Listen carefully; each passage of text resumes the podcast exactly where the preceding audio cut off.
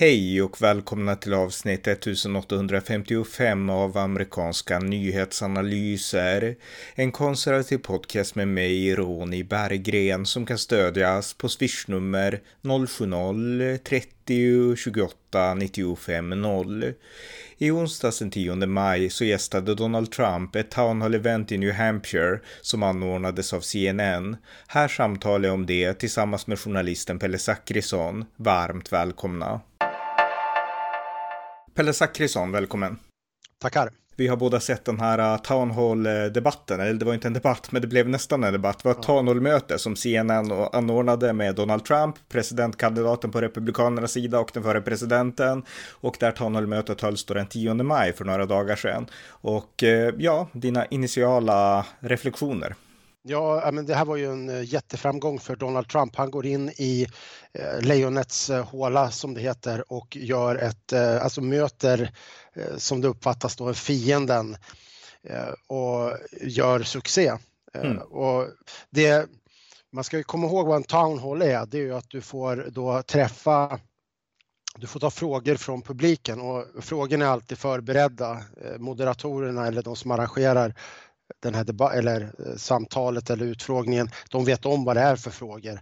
Så, men, men det ska ju då uppfattas som att man, eh, lite så här gammaldags att åker ut och bara träffar väljarna och väl, det är väldigt amerikanskt helt enkelt. Mm. Och det här med Town vart ju superpopulariserat 2008 och även eh, 2000 när John McCain var presidentkandidat för han gjorde så stor sak av att åka ut och hålla Town men alltså alla andra kandidater de var på debatter men han var på Town när han ville besvara alltså frågare från publiken liksom. Mm. Och sen gjorde CNN och alla de här stora tv-nätverken, vi måste också anordna Town Hall. Så att det var han som gjorde, det är inte så många som känner till det, men han gjorde att det vart en spin-off och att det vart liksom verkligen populärt även för de stora tv-bolagen att anordna inte bara debatter utan Town Halls. Så att det är lite mm. bakgrundshistoria. Men inför den här, det här mötet då så har CNN, då fick kritik på förhand. Det skapades en hashtag på Twitter som hette Boycott CNN och eh, det var ju folket då som var arga för de tyckte inte att Donald Trump borde ges en plattform för Donald Trump är en sån ovärdig och otrevlig och eh, lögnaktig person att CNN borde inte ge honom en plattform. Och vi kan då som bakgrund säga att eh, CNN fick ju en ny chef förra året som heter Chris Licht, en eh, man i, ja, kring 40-årsåldern. Och eh, han önskade ju då göra CNN mer, liksom lite mer tydligt och lite mer objektivt och sådär. Och ja, det dra, ja. dra, dra det mer mot mitten och han har ju gjort sig av med några av de värsta vänsterspökena, bland annat den här Brian Seltzer som uh, jag kan tänka mig att Björn kan ta upp lite grann i nästa uppdatering lite grann om, Björn, om Brian Seltzer. Men, men det är många, och Don Lemon har ju fått lämna. Mm. Så att det har ju varit storstädning på CNN. Ja, så att, eh, men eh, från vänster kom då kritik för att man bjöd in Donald Trump. Men man gjorde det i alla fall. Och eh, hon som höll i den här utfrågningen, det var CNN-moderatorn Caitlin Collins hette hon, en kvinna i 35-årsåldern kanske. Mm. Och första frågan, den handlade om valet 2020. Får jag, mm. får jag bara säga en sak om, om Caitlin Collins? Hon har en intressant bakgrund. Hon har ju varit tidigare då på Daily Caller som är mm. en vad ska vi säga, en högerplattform. Och eh, det finns, nu sprids det då klipp eh, som går viralt om hur hon i ett, eh, då blir intervjuad på Fox News runt 2016 och pratar då om hur där pratar hon om hur George Soros är en globalist och har en agenda och så där. Det, det blir en väldigt rolig Eh, diskrepans eller dissonans mot hur hon idag framstås. Och, så att eh, otroligt intressant bakgrund. Jag rekommenderar alla att eh, söka på Youtube efter Daily Caller och och eh, vad är det hon heter nu? Caitlin Collins. Caitlin Collins, precis. Mm, mycket intressant, det visste jag inte, så stort tack för den informationen. Men första frågan då i alla fall, det handlade om valet 2020 och då kunde jag känna redan från början, ja, ska du börja med det här? Och Trump han vidhöll ju såklart att valet var riggat och eh, ja, han sa ungefär de saker som han brukar säga. Och eh, sen fick han då en fråga också om, eh, av en tittare, om man skulle fortsätta att eh, älta valfusk, alltså nu i den här kampanjen och inför 2024 TV24 och han sa att ah, men jag kommer att prata om, om det jag ser ungefär. Alltså om jag ser valfusk så kommer jag att prata om det, men annars kommer jag inte göra det, sa han. Och eh, Caitlin Collin då, hon ställde en följdfråga och sa att Trump hade pratat om eh, att han ville upphäva konstitutionen. Det är ju taget ur sin kontext i alla fall. Och det gick lite fram och tillbaka där och vi kan spela ett klipp från just det eh, meningsutbytet. Mm. 2020 election results in the past, you once suggested terminating the, the Constitution. Do you stand by those comments? No, no. You were able to do certain things. I'm not talking about terminating the Constitution. I'm talking about cherishing the Constitution. The Constitution says that we're supposed to have legal and well maintained and well looked at elections, and we didn't have that. I cherish our Constitution, but we have to live up to the Constitution. We weren't living up to the Constitution. I was just saying there's no evidence of that election fraud. You did I once tweet. You're supposed to say that, but you know, I'm glad you say that. But look, it's that was truth, a horrible election. That was a horrible election, and unless somebody's very stupid, and I know you very well, you're not stupid at all, uh, but you perhaps are given an agenda or you have an agenda. Look, we have to have honest elections in our country. We have open borders. We have Så det var ett klipp från Townhall-mötet och jag tycker att det här var ett bra exempel på när Trump får säga det han vill samtidigt som han blir tydligt motsagt. För det var det som gjorde den här Townhallen så intressant. Alltså Trump sa någonting och han rantade på som han brukar göra och sen vart han motsagd. Men han vart inte avbruten utan han fick säga det han ville säga. Men sen så kastade Caitlin Collins in ändå att det var fel och så gjorde hon en referens till varför liksom. Men Trump ändå fick ändå ge sitt perspektiv på saken. Det tyckte jag var, jag tyckte att det var intressant. Mm, absolut. Jag, jag har ju en anmärkning när det gäller just den här val, eh, hans eh, konstanta förnekande av valfusk. Jag tycker ju att den frågan hade man kunnat vänta till mot slutet när det så att säga hade, man hade blivit lite uppvärmd och man hade, då hade man kunnat ge det lite mer tid. Nu var det uppenbart så att eh, moderatorn ville komma vidare och det var också i sina svar så tycker jag att Donald Trump försökte hela tiden, han, han svarade ju och han backade ju inte en millimeter. Och han, han började prata om att de här med, man såg i hur eh, såna här, de här vallådorna och sådär att det var massa felräkningar och så vidare, saker som har blivit debankade.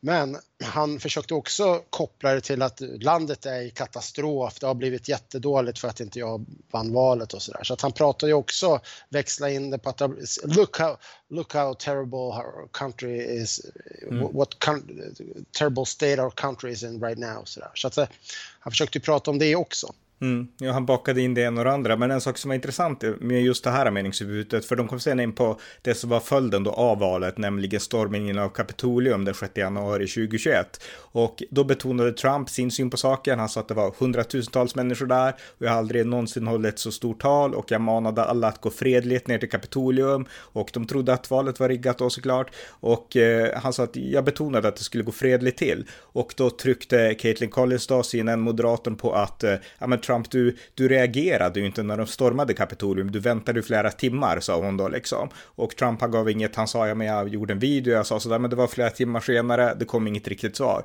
Och det jag tyckte var så intressant här, det är att här gavs båda synsätten utrymme. Därför att vi vet att Trump, han pratar om allt det, han trycker alltid på att jag, liksom, jag manade ändå till fredlighet, och det är helt sant. Och sant är också att media har ofta, ofta ignorerat det, jag menar även här i Sverige, jag har ju varit med och kommenterat Trump och Kapitolium i många olika mediesammanhang. Och nästan ingen liksom trycker på att Trump ändå, han manade till fredliga demonstrationer, det är inget snack om den saken. Och eh, Trump viglade inte aktivt till våld. Och jag tycker att Trump, han måste få säga det utan att bli undanknuffad. Och det gjorde han här, samtidigt som hon tryckte på det som ändå är bristerna, att det tog så lång tid när stormningen väl ägde rum för Trump att reagera. Så här fick man som tittare se båda ingångsvärdena i diskussionen om det här. Och jag tycker att det är sällan man får det från liksom de här två direkt skilda perspektiven kyrkan. Så, så för att oftast är det en sida som predikar eller en annan som predikar. Men här fick man höra båda de här argumenten mot varann. Det tyckte jag var intressant. Ja, jag tycker ju att hon trillade in lite grann på det här, eh, vad ska jag säga, att man jag tycker att den stora kritiken mot Trump det är att han har det övergripande ansvaret. Alltså som president så behöver du ta ett större ansvar. Du behöver även om du inte liksom nere på detaljnivå har, nej men han, han sa aldrig att de skulle storma, det gjorde han ju inte. Eh, och istället för att liksom dividera om att det här kunde tolkas som att du sa det så hade man stä kunnat ställa frågan till Trump varför lät du det här ske? Nu sa ju hon, hon, hon ställde den frågan i princip eh, och han svarade med att ja, men det var inte mitt ansvar, det var Nancy Pelosi, ungefär så. Mm.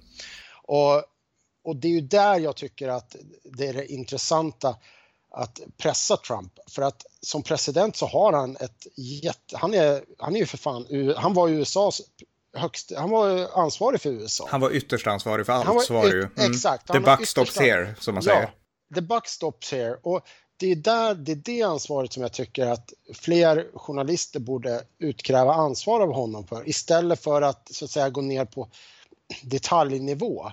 Och självklart är det viktigt med detaljer, mm. men att pressa Trump om hans för han gillar ju att prata om att han är liksom den stora ledaren och alltså, som president så kommer han att fixa allt. Ja, men här då? Varför fixade du inte det? Varför såg du till att du, det här fick hända? Exakt, och då vill jag bara skryta lite grann, därför att jag vill bara säga att jag, för er som lyssnar, ni vet hur det här redan, men jag skrev en artikel den 10 januari som heter Sagan om kraken, Trumps valfuskteorier debunkade. Det här var i fyra dagar, eller efter stormningen då, och eh, jag har alltid varit stentydlig med att eh, Trump ska, han hade fel valfuskkonspirationerna och mycket av kritiken mot Trump är förvisso fel, men Trump var ändå ytterst ansvarig. Så att jag försöker hålla balansen. Jag tycker att jag har lyckats, vill jag bara säga där.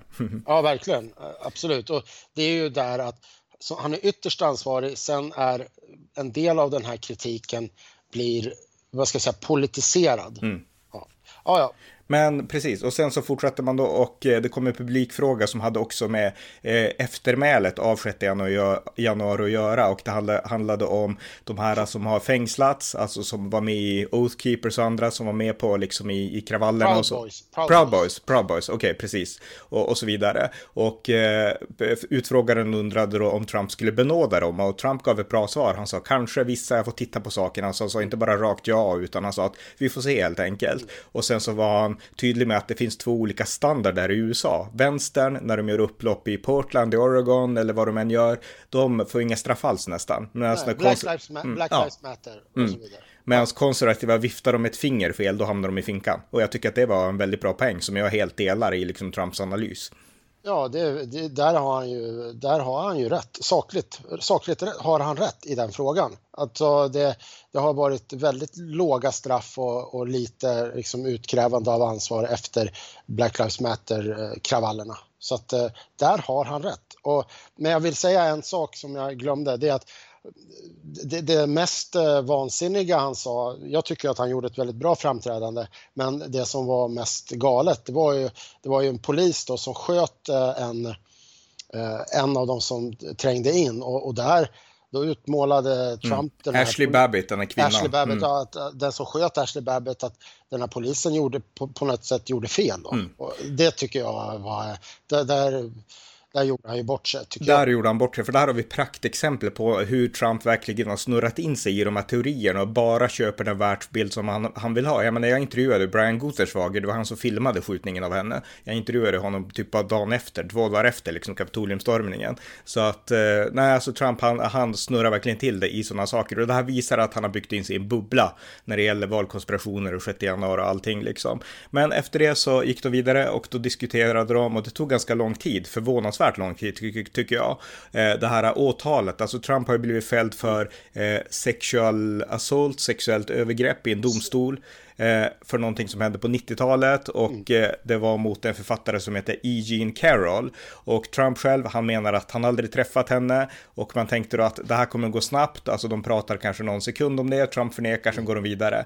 Men de pratar hur länge som helst och ja. den som pratade var Trump, för man tänker då att det här är någonting som Moderaterna ville prata om och Trump inte ville prata om. Men Trump, han babblade på, alltså det var inte lite han sa, Nej. utan han drog historier om att den här kvinnan som han aldrig aldrig hade träffat. Hon hade kallat sin svarta man för en apa. Så, och, alltså han, hon hade en hund som hette mm. Vagina. Alltså, han, ja, och det, att man, de fick inte, hans sida fick inte ta in det här att han hade en hund som hette Vagina. Och, ja, han, han är ju, eh, alltså Trump när han går på, det är jag, jag slås hela tiden att det är otroligt hur han kan ha, ha allt det här i huvudet. Uh, och han är ändå 70, är han, 76 år och han, han bara drar det där ur liksom pang, pang, pang. Och det sitter och han bara smäller på. Och det, sen kan man tycka vad man vill om det han säger, men att han är så jäkla eh, rapp i, i Får han en sån där fråga, han bara viker sig inte utan han går på och som du säger, han släpper inte. Och, och det han visar där, det är att han är helt orädd för frågan. Ja, ja verkligen. Jag menar, man kan tänka så här då, men att han blir obekväm, men, men ja. inte alls. Och grejen att oavsett vad som är sant i den här storyn, liksom, han förnekar fortfarande totalt och jag vet inte vad som är sant liksom. Men hela poängen är att han framstod som extremt rolig i, i det där. Det går inte att komma ifrån. Så jag menar, han vart ju vinnare bara därför.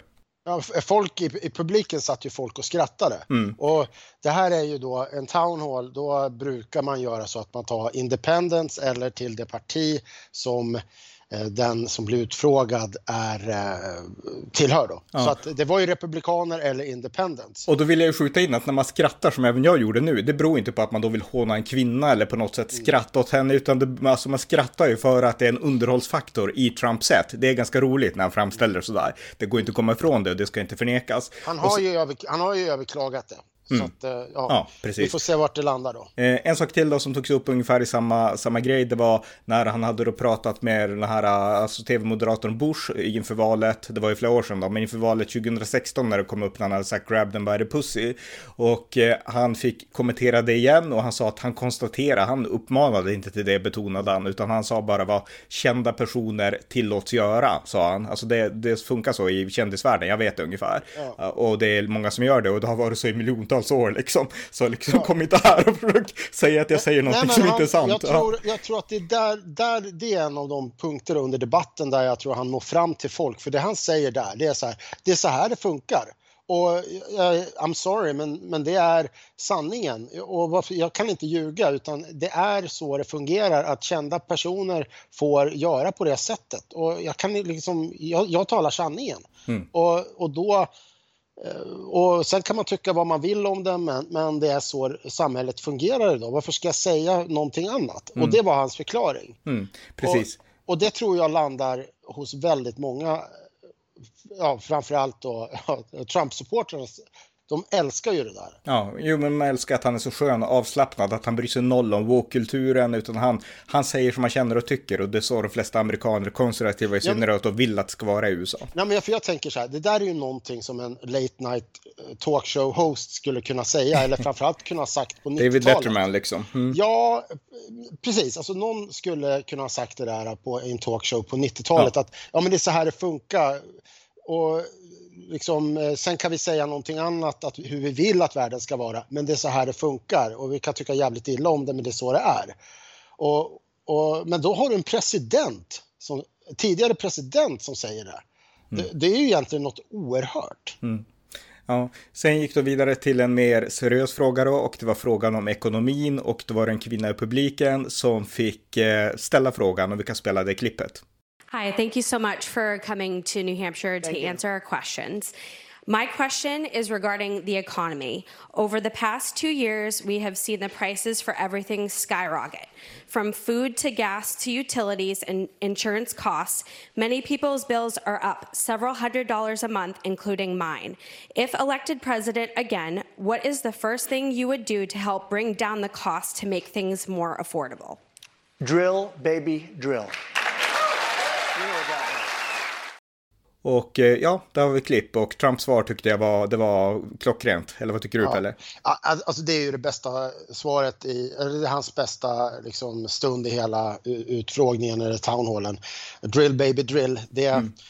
Och sen också att han pratar där om att det är så här vi fixar ekonomin. Vi avreglerar, vi sänker skatter, vi, eh, vi ska se till att vi, vi, vi bor då på det flytande guldet och vi skulle kunna vara inte bara eh, energioberoende utan vi skulle kunna vara energidominanta. Mm.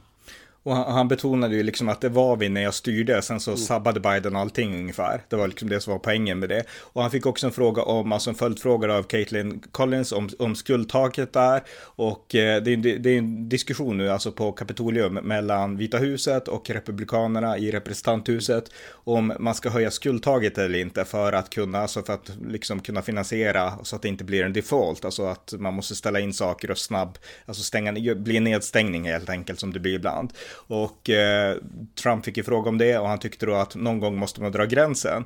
Och eh, då fick han motfrågan, men när du var president då ville du höja skuldtaget och då sa han liksom lite Trump-sant, ja men jag var ju president då liksom. Ja, men, ja, men nu då? Nej, nej, nej det, det, han sa, nej, det han sa, det var så här att du, när du var president då tyckte du inte att man skulle använda att eh, defaulta, alltså att eh, låta, eh, vad heter det, USA bli eh, gå i default. Ja, stopp att, typ. Och, ja, mm. Använda det som förhandlingsbricka eh, i, eh, för, alltså, för då hade ju Demokraterna eh, mm. representanthuset. Och varför tyckte du det då? Ja, det var för att jag var president då. Så han, det var ett jävligt fräckt svar. Ja. och att, och varför tycker du inte det nu? Nej, men nu är jag ja, inte president. Exakt. Och, och, det där var ju, det är så typiskt Trump att säga en sån där sak. Och, och då, publiken älskade ju det. De bara stormkött, skrattade och klappade. Mm. Eh, sen gick de vidare till en annan fråga och det handlade om rätten att bära vapen i USA. Och Trump fick då en fråga av en annan republiken och vi kan spela det klippet. Uh, this is a bit of a pivot, but uh, with gun violence and mass shootings in the news cycle recently, I'm worried that state governments and the federal government are going to act to repress gun rights.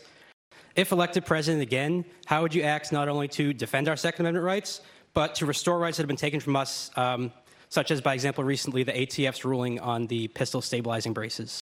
Uh, there's been nobody that's protected the Second Amendment, as you know, like I have. I protected it through thick and thin, not easy to do. But we have a very big mental health problem in this country. And again, it's not the gun that pulls the trigger, it's the person that pulls the trigger. And we have to protect our Second Amendment. We have to protect. Så Trump sa där helt enkelt, han gav ett argument, alltså att det är, det är personen bakom vapnet som bär ansvaret, det är inte vapnet. Och det jag tyckte var intressant här är att det här är ju ett argument som oftast används av vapenförespråkarna, alltså det är, det är inte vapnet som är skyldigt, så vi behöver inte ha vapenförbud, utan det är ju eh, liksom den moraliska personen som hanterar vapnet. Och cyniskt så används samma argument av vänstern, av motståndarna för att liksom måla liksom schablonbilder av, titta vilka eh, liksom lättvindiga och töntiga argument som vapenförespråkarna har. Men jag hörde på eh, Sveriges Radio P4 bara häromdagen faktiskt, eh, en person från Luleå tekniska universitet, en professor där, som pratade om AI, alltså artificial intelligence. Och eh, han menade då att AI, det är inte den som är farlig, utan det är människorna bakom AI. Så han körde exakt samma argument, det tyckte jag var intressant.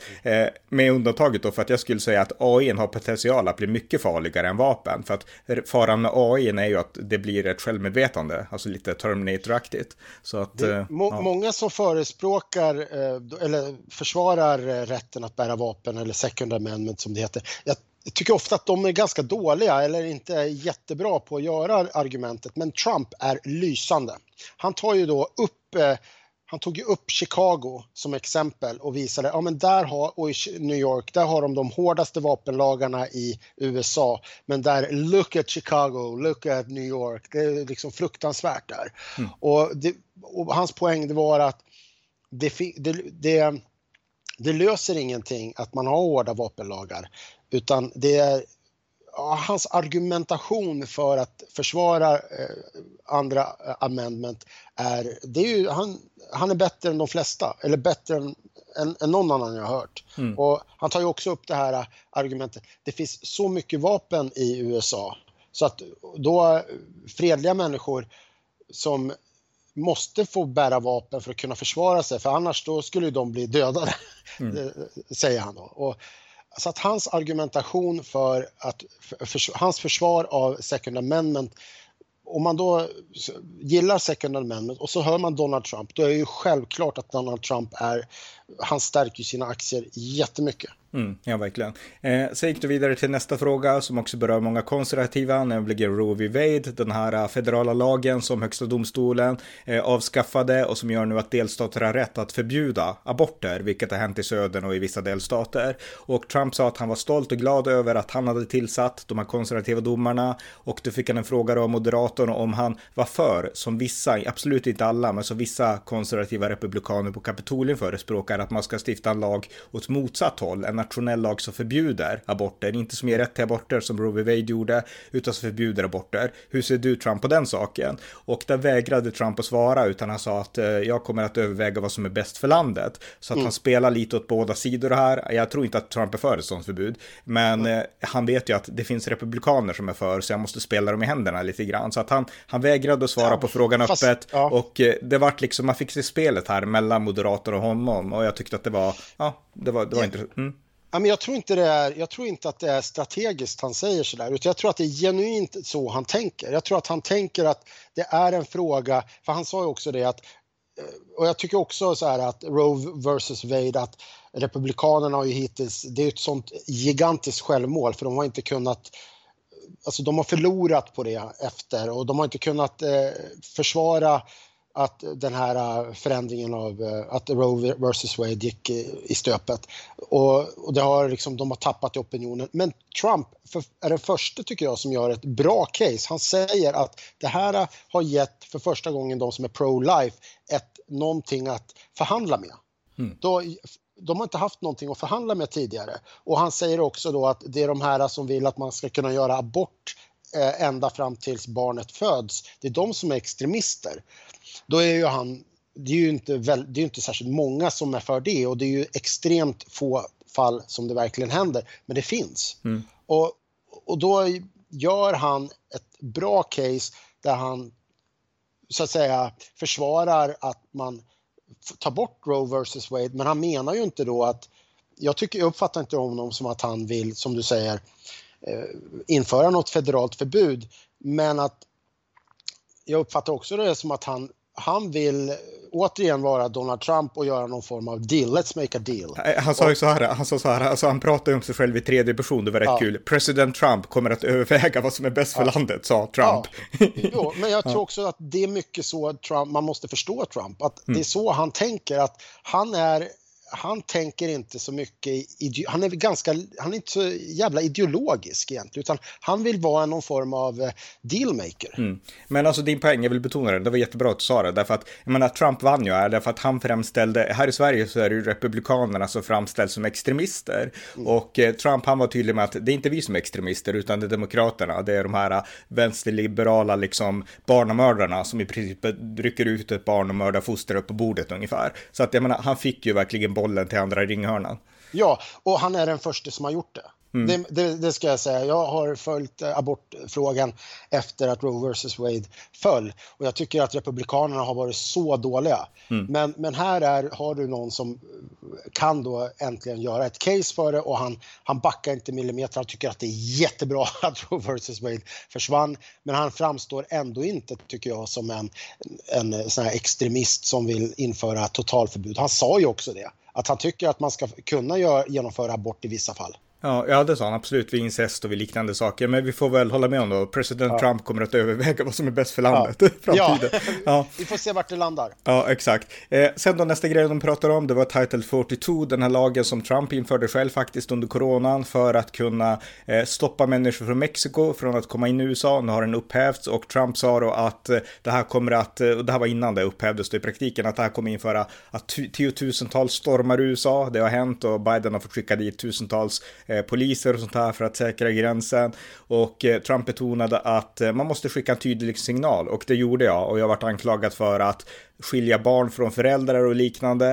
Eh, det började redan under Obama, betonade han, men, men eh, jag skickade en signal och signalen är att om ni kommer hit illegalt, då kommer ni att skiljas från era barn och då kommer inte folk. Att, alltså, han ville betona att man måste skicka rätt signal och jag menar, vi vet ju här i Europa, här i Sverige inte minst, att det resonemanget är helt rätt. Skickar man fel signal så får man, alltså då blir det fel konsekvenser också. Ja, men där har du ett annat, åter ett exempel på där Trump är en han är unik i att kunna göra ett, lägga fram ett argument i en fråga som är det var ju uppen, jag uppfattade det som att det var en sån här gotcha-fråga, att de skulle sätta dit Trump genom att få honom att, att inte våga svara på om han vill, vill liksom sära på föräldrar och barn.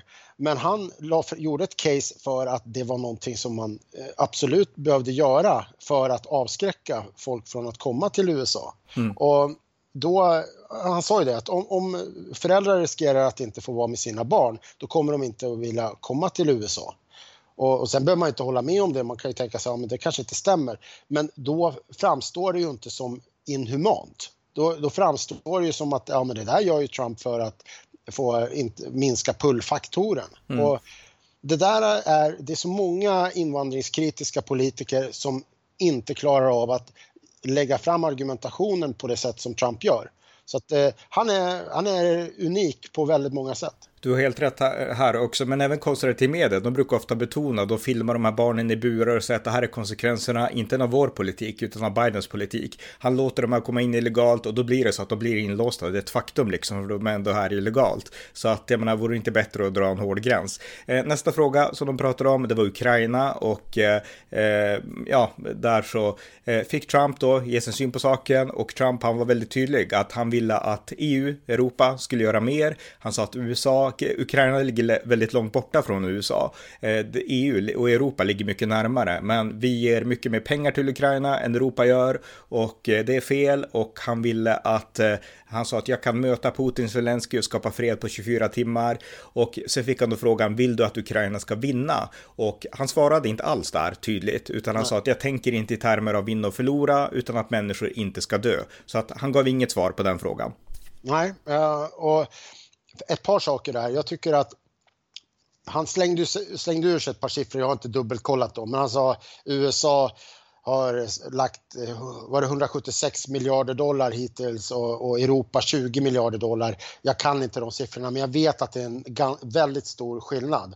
Och jag tycker han gör en väldigt extremt bra poäng där. Att, eh, att Europa han sa ju det, Europa har råd. Europa har råd att liksom lägga pengar. Mm. Och det, det finns, och, och därmed, hade Trump varit president idag så då hade han tvingat Europa att, eh, det är jag helt övertygad om, han hade tvingat Europa att slanta upp ordentligt. Det var det, var det han gjorde, alltså han var ju kritisk ja. till NATO, inte till NATOs existens när han kandiderade 2016, men han var kritisk för att han sa att det är vi som finansierar allt. Europa, Europas NATO-länder betalar inte sina 2 procent av BNP, var, och det var helt var kritisk, rätt. Han var kritisk till hur NATO fungerade. Mm. Och, och det var helt eh, rätt och det är samma ja. form av argument nu, Europa vill freerida. Ja, och jag vill bara göra en liten utvikning. Det där visar, det finns liksom en uppfattning inom, vad ska jag säga, i, bland europeiska politiker och, och tykonomer, särskilt i Sverige, en otrolig mallighet och när det gäller NATO till exempel, då, finns, då har du alltså på fullt allvar har du svenska eh, debattörer som tycker att ja, men vi ska gå med i NATO, men, men vi ska vi ska kräva att inte ha kärnvapen i, i Sverige. Och alltså okej, okay, vänta, vi är inte medlemmar i NATO. Så vi, vi ska alltså vi ska ansöka om medlemskap, men vi ska sen ställa krav på vad, att inte behöva ha kärnvapen i Sverige. Mm. Eh, vem är alltså det är inte, det är inte NATO som vill ansöka om medlemskap i Sverige, utan det, det är fan det omvända. Mm, mm, så det är en mm. sån här otrolig uppblåst självbild av Sverige som någon slags humanitär stormakt. Som, Exakt. Och poängen är, och det här visar ju verkligen att vi kan inte peka finger mot Trump när Trump säger så här, utan att Trump har rätt. Alltså Sverige och andra länder, vi har försökt freerida och vi försöker liksom, alltså USA är det land som tar ansvar för Europas säkerhet. Det är bara ett faktum liksom. Ja, Trump, det finns, Men det finns väldigt många politiker och generellt i Europa och eh, i Sverige som politiker, debattörer, journalister som har en väldigt proppmätt attityd, attityd när det gäller USA och tycker att eh, ja, men USA är en eh, skurkstat. Det har ju Göran Greider sagt i, eh, när han var med i Sveriges Radio i Godmorgon världen. Hur fan kan man tycka att USA är en skurkstat? Mm. Eh, det, det, är liksom, då är man en total alltså man är ju totalt, man är ju galen. Mm. Och tycker nu, man så, nu svävar vi ut lite grann, men tycker ja. man så för länge då kommer det också bli så att USA tröttnar och USA mm. kommer säga att Europa är inte tacksamma så att okej, okay, då får ja. de hantera Putin själv. Ja, och, det, är min, det är det som är min poäng. Mm. Och, men om jag ska återvända till när det gällde Trump och det här Town Hall, vad han sa om Ukraina och Ryssland, så efter debatten så säger då, då säger eh, CNN om Trump att ja, men han, återigen så visade han sitt, eh, sitt gillande och affinity för Putin. Men han sa också då att han hade en bra, väldigt bra relation till, med Zelensky. Och det, det nämner de inte. Mm. Så att CNN tycker jag vinklar också gör sitt bästa för att framställa Trump som en riktig eh, Putin-lakej. Mycket intressant, för att exakt, han sa att jag har både en god relation till Putin ja. och till Zelensky. Ja. Och sen så ja. prat, resonerade han om det. Men hela poängen att jag tyckte det här var ett bra exempel på när man verkligen kan se när Trump har rätt. Alltså han har rätt om att eh, om BNP och alltså om mm. Europas stöd och så, där har han rätt. Men han har fel när han inte är tydlig om att han vill att Ukraina ska vinna, för självklart måste Ukraina vinna. Det är liksom det som är den klassiska republikanska synen, Ronald Reagans syn, kalla kriget, peace through strength och så vidare. Och där är ju Trump inte tydlig och det här visar ju lite grann hur eh, pass inåtvänt det republikanska partiet har blivit nu. Ja, det han sa det var så här att ja, om jag blev president då skulle jag få fred, tror jag det var han sa, på, på 24 timmar. Ja, vad skulle, hur skulle du göra det? Ja, jag skulle prata med eh, både Zelensky och med Putin. Och då tror jag då tror jag att många tänker att han skulle ja, men ge någon, ja, men förhandla och säga att ja, men Ukraina ska ge upp halva Ukraina eller någonting. Det återstår ju att se. Alltså när, mm. när, när, Trump tidigare har förhandlat så har det ju inte varit de typerna. Han kan ju, det kan ju mycket väl handla om att han hotar Putin. Mm. Så att, eh, men han vill ju inte prata, han vill ju inte säga vad det, vad det är konkret han ska göra. Nej. Och... Men, men, men, det väcker ändå, för jag är ju kritisk till just Trumps syn på Ukraina. Jag menar, när han ändå säger jag tänker inte i termer av vinna och förlora utan att människor inte ska dö. Jag menar, där visar man ju lite grann att man har inte liksom den här moraliska synen på kriget, att Ukraina är den goda sidan och eh, Ryssland är den onda. Och det finns ju röster som inte ser det så, utan som är liksom menar att liksom eh, sådär. Så att men han spelar ju lite grann på de här isolationistiska krafterna här. Ja, absolut. Och det, ur, ett, uh, ur ett rent uh, geos, liksom geopolitiskt, uh, liksom geostrategiskt perspektiv så är ju sannolikt bäst att försvaga Ryssland genom mm. att få ner dem på knä. Mm. Och, och, så att den tagningen hade han också kunnat gjort, att det gäller att knäcka Ryssland. Mm, men det gjorde han inte riktigt. Men vi kan gå Nej, vidare i alla fall från ja. det. Eh, nästa grej de pratade, det var om dokumenten som Trump tog till Mar-a-Lago. Och eh, ja, eh, alla vet, alltså Trump han, han sa att men Biden har gjort likadant och de ena och de andra har gjort likadant. Och det var lite back and forth där. Och eh, där då på slutet så sa han så här då om eh, CNN, kvinnan då, Caitlin Collins. Eh, lyssna på det här. Them and then had given you a subpoena to return Are you them. ready? Are you ready? Can I talk? Yeah, what's you the mind? answer? Can I, do you mind? I would like for you to answer the question. Okay, it's very simple to answer. That's why I asked it. It's very simple to, you're a nasty person, I'll tell you.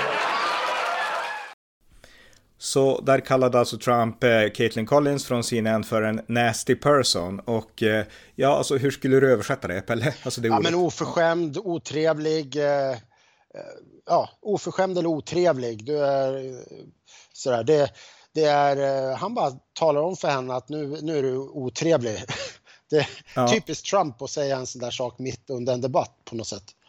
Ja, eh, precis. Och eh, vad heter det, sen så kom man också, sen, sen tog debatten slut kan man säga då. Och eh, eh, Trump han gav också en pik till Ron DeSantis och kallade honom Ron DeSanctimonious. Men Townhall-mötet tog slut sen i alla fall. Och eh, ja, eh, vad tänkte du när du hade sett klart?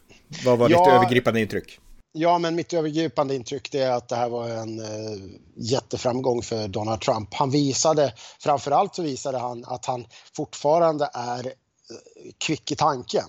Det är ju, alltså är du 76 år så eh, tänker jag att då borde du börja bli lite, ja men inte vara lika rapp och, och, snabb som du var för fyra år sedan. Men han, jag uppfattar inte honom som liksom slö eller att han fick sitta och tänka till. Utan han, han var ju väldigt på. Han satt ju mm. framlutad. Kroppsspråket var det här äh, en, en Trump som var på tårna.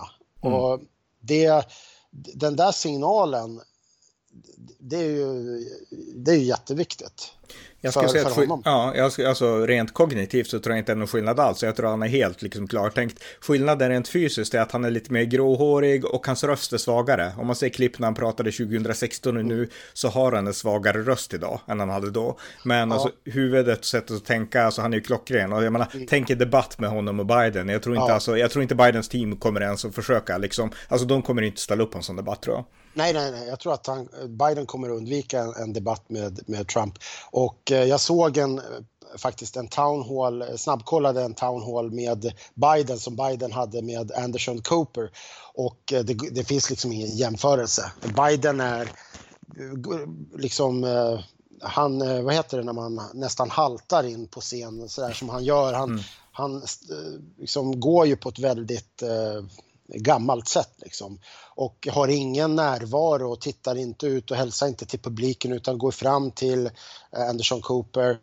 Och medan när Trump kom in då var det liksom hälsar, han Alla applåderade. Alla liksom. Mm. applåderade, han liksom hallå där, hej hej, här kommer jag, eran näste president typ. Så mm. det var väldigt uh, så här uh, Ja, men det var show. Det var Donald Trump-show igen. Mm. Liksom. Jag tycker att det här var en bra townhall för CNNs del. Därför att jag menar, jag tycker att Chris Lish, jag menar på eh, 2010-talet så var CNN en total woke-kanal, inte minst när Trump kandiderade 2016 men även 2020.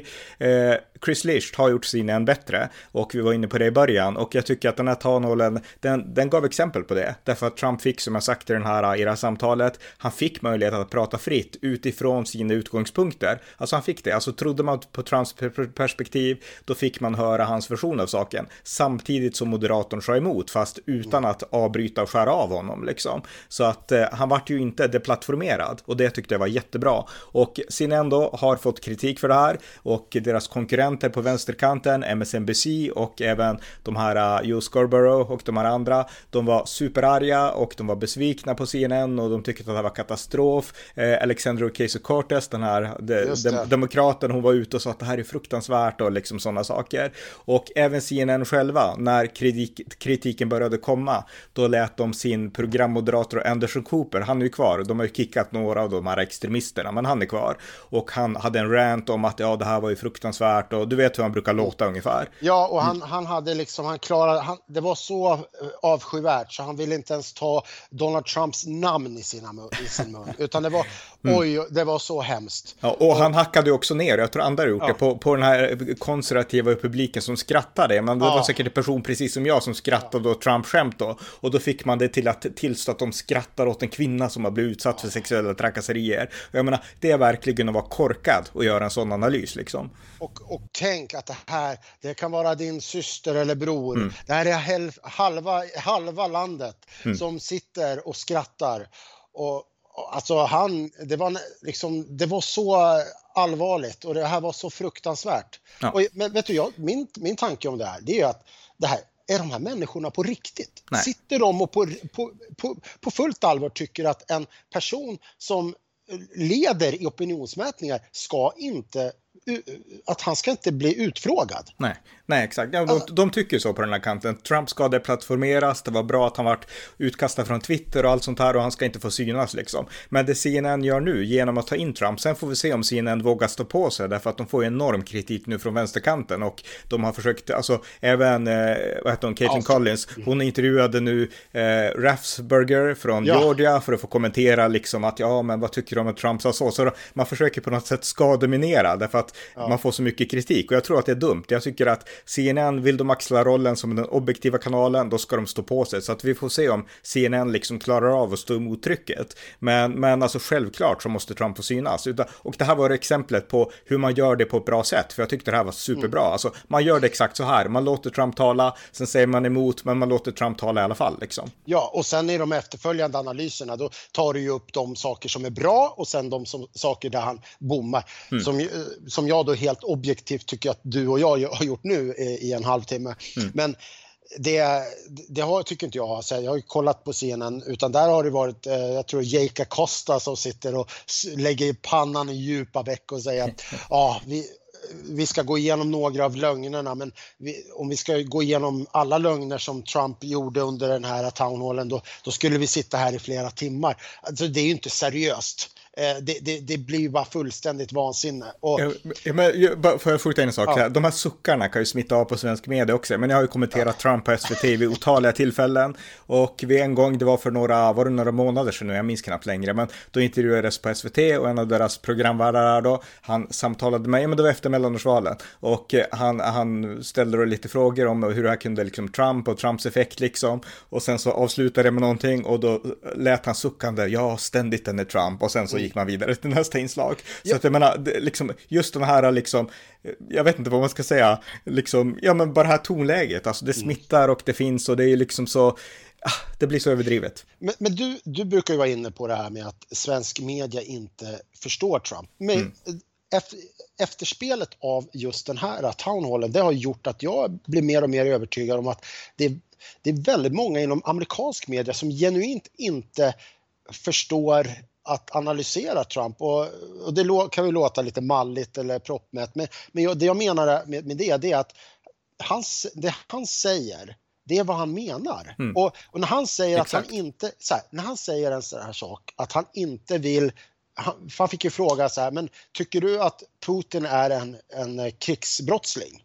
Då säger han så här att jag vill inte säga det just nu, i det här läget vore det dumt att uttala mig om det. Uh, ungefär så. Och, och då är det, då tror jag att man ska förstå det som att, om man ska göra en välvillig tolkning i alla fall, det är att han tycker att om han skulle säga det nu, då skulle det förstöra hans förhandlingsposition senare. Mm. Och sen, jag, jag, tycker ju att man ska gå all in på att eh, stötta Ukraina. Men mm. om man ska förstå Trump, så att han inte vill säga att Putin är en krigsbrottsling. Det har ingenting att göra med vad han tycker om Trump eller om, mm. förlåt, om Putin. Utan det har bara att göra med hur han ser på det som en förhandling. Mm, exakt, exakt. Nej, men och även det här med att liksom ta människorna på orden. Jag menar, det som fick mig intresserad av amerikansk politik, det var George W. Bush och det var exakt den faktorn. Alltså jag insåg att George W. Bush, det är en person som han är idealist, han är ärlig, han säger det han tycker och lyssnar man bara på det han säger så får man rätt perspektiv. Och jag noterade då att i svensk media så lyssnar man aldrig, aldrig någonsin på vad George W. Bush sa, utan man tog någonting där och sen så la man in sina egna motiv och sin egen tolkning och sen skickade man den bilden vidare till Sverige. Det finns en svensk-amerikanska som heter Frida Stranne som brukar vara med i media. Hon skrev en bok om George W. Bush, det var ju typ året efter hans presidentskap och den är eh, exakt sån, en någon sån akademisk bok där hon tar några citat och sen lägger hon in akademiska förklaringar på vad Bush menade och varför det här betyder det här och det här och liksom. Och det är så fruktansvärd läsning, för jag som då hängde med varje dag i Bush presidentskap, jag visste att Bush menade ju det han sa, kan inte fatta det liksom. Sen kan mm. man analysera och kritisera och det är samma sak med Trump. Sen tror jag att Bush var ännu mer ärlig än Trump, men, men liksom, alltså, eh, just den faktorn, att man kan aldrig ta dem för det de säger, utan man måste alltid tolka in att nu spelar de ett spel, nu ljuger de, alltså, det är liksom, det blir omöjligt att, att vara politiker om journalister är så, men det är exakt så de är, i synnerhet ja, i förhållande till amerikanska Frida, presidenter. Mm. Ja, den här Frida Stranne, hon tillhör ju den här skolan av responsible statecraftmanship, alltså att man, Sverige ska, hon har ju skrivit en eh, debattartikel tillsammans med den här eh, Trita Parsi eh, som har eh, grundade den här lobbyorganisationen NIAC. Eh, hon skrev en debattartikel med, hon, med honom i, i Svenska Dagbladet eh, Eh, rätt nyligen om, om hur Sverige ska spela en självständig roll och, och liksom ligga mellan Kina, Rysk, Kina och Ryssland och USA. Det är liksom mm. helt vansinnigt. Och, ja, nej, det, det, är verkligen vansinnigt, för ja. jag menar, då kan man ju placera henne i samma kategori som kritikerna placerar Trump. liksom som ja, men det, det, är liksom den här, mm. och, och, och, det är det här att eh, man, man ska inte välja sida. Nej. Man ska inte ställa sig på den amerikanska sidan utan vi ska, det, det är det här sövande Ja, men det är ju typ ja. den amerikanska, alltså i princip antikrigsvänsterns syn på saker. Exakt. Men, ja. Exakt. men om vi går vidare då, alltså det här, jag tyckte att det här var ett bra tonålmöte. Det här var otroligt bra. CNN ska ha cred för det här. Vi får se om de står fasta vid, vid, vid det här eller om de backar. Det vore tråkigt, men vi, vi får se helt enkelt. Men ja, där har ni analysen av Trump. Och jag skulle också vilja säga då, för att på slutet, vi kan avsluta med det, så han gav ju en hint till Ron DeSanctimonious också, som han brukar säga. Hörde du det? Ja. Ja. ja. Och jag menar, jag kan tycka att för nu är ju Ron DeSantis då som han heter, som är guvernör i Florida och som betraktas som Trumps starkaste potentiella eh, rival. Nu är han på väg att sannolikt pålysa en presidentkandidatur, kanske vilken dag som helst. Och eh, Trump, han är, ja, han har redan nu börjat rikta in liksom sina smockor ungefär. Och eh, jag tänker så här att på den här debatten så visade det ändå Trump, för jag skulle i ett primärval stödja Ron DeSantis framför Trump kan jag säga. Av den enkla anledningen att Trump, han, han fastnar för mycket i sin egen bubbla. Han är ju klockren när det gäller att gå emot vokulturen, när det gäller att stå upp för gränssäkerheten, så jag helt stöder och sådär. Och han har också styrkan att han har erfarenheten. Ron DeSantis har ju liksom inte det, men, men liksom, jag skulle ändå stödja Ron DeSantis för att han har inte de svagheter Trump har. Alltså han pratar inte om valfusk och så, men styrkan Trump Trump ändå har, vilket man märkte är det just att han har erfarenheterna, han är beprövad när det verkligen blåser. Och det är ju inte Ron DeSantis på samma sätt. Så att jag menar, Trump har en styrka och det är att han är beprövad. Den styrkan har inte Ron DeSantis. Nej, Nej och DeSantis behöver kunna svara på fler frågor än Voke.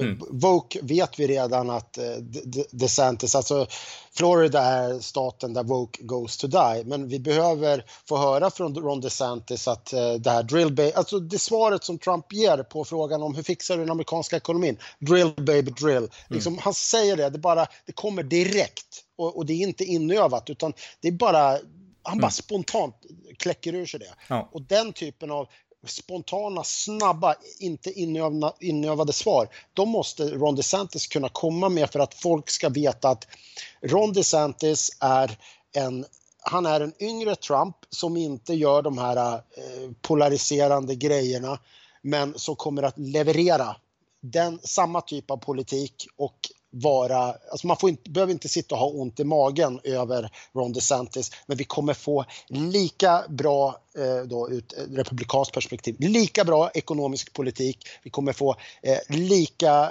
bra, eh, vad ska jag säga, gränspolitik. Mm. Ja, precis. Eh, vi får se om CNN bjuder in även Ron DeSantis till ett panelmöte. Det skulle vara intressant. Men med det sagt så tack så mycket Pelle för det här intressanta samtalet. Tack. Tack för att ni har lyssnat på amerikanska nyhetsanalyser. En podcast som kan stödjas på swishnummer 070-30 28 95 0 eller via hemsidan på Paypal, Patreon eller bankkonto. Skänk också gärna en donation till valfri Ukraina-hjälp. Återigen, tack för att ni har lyssnat.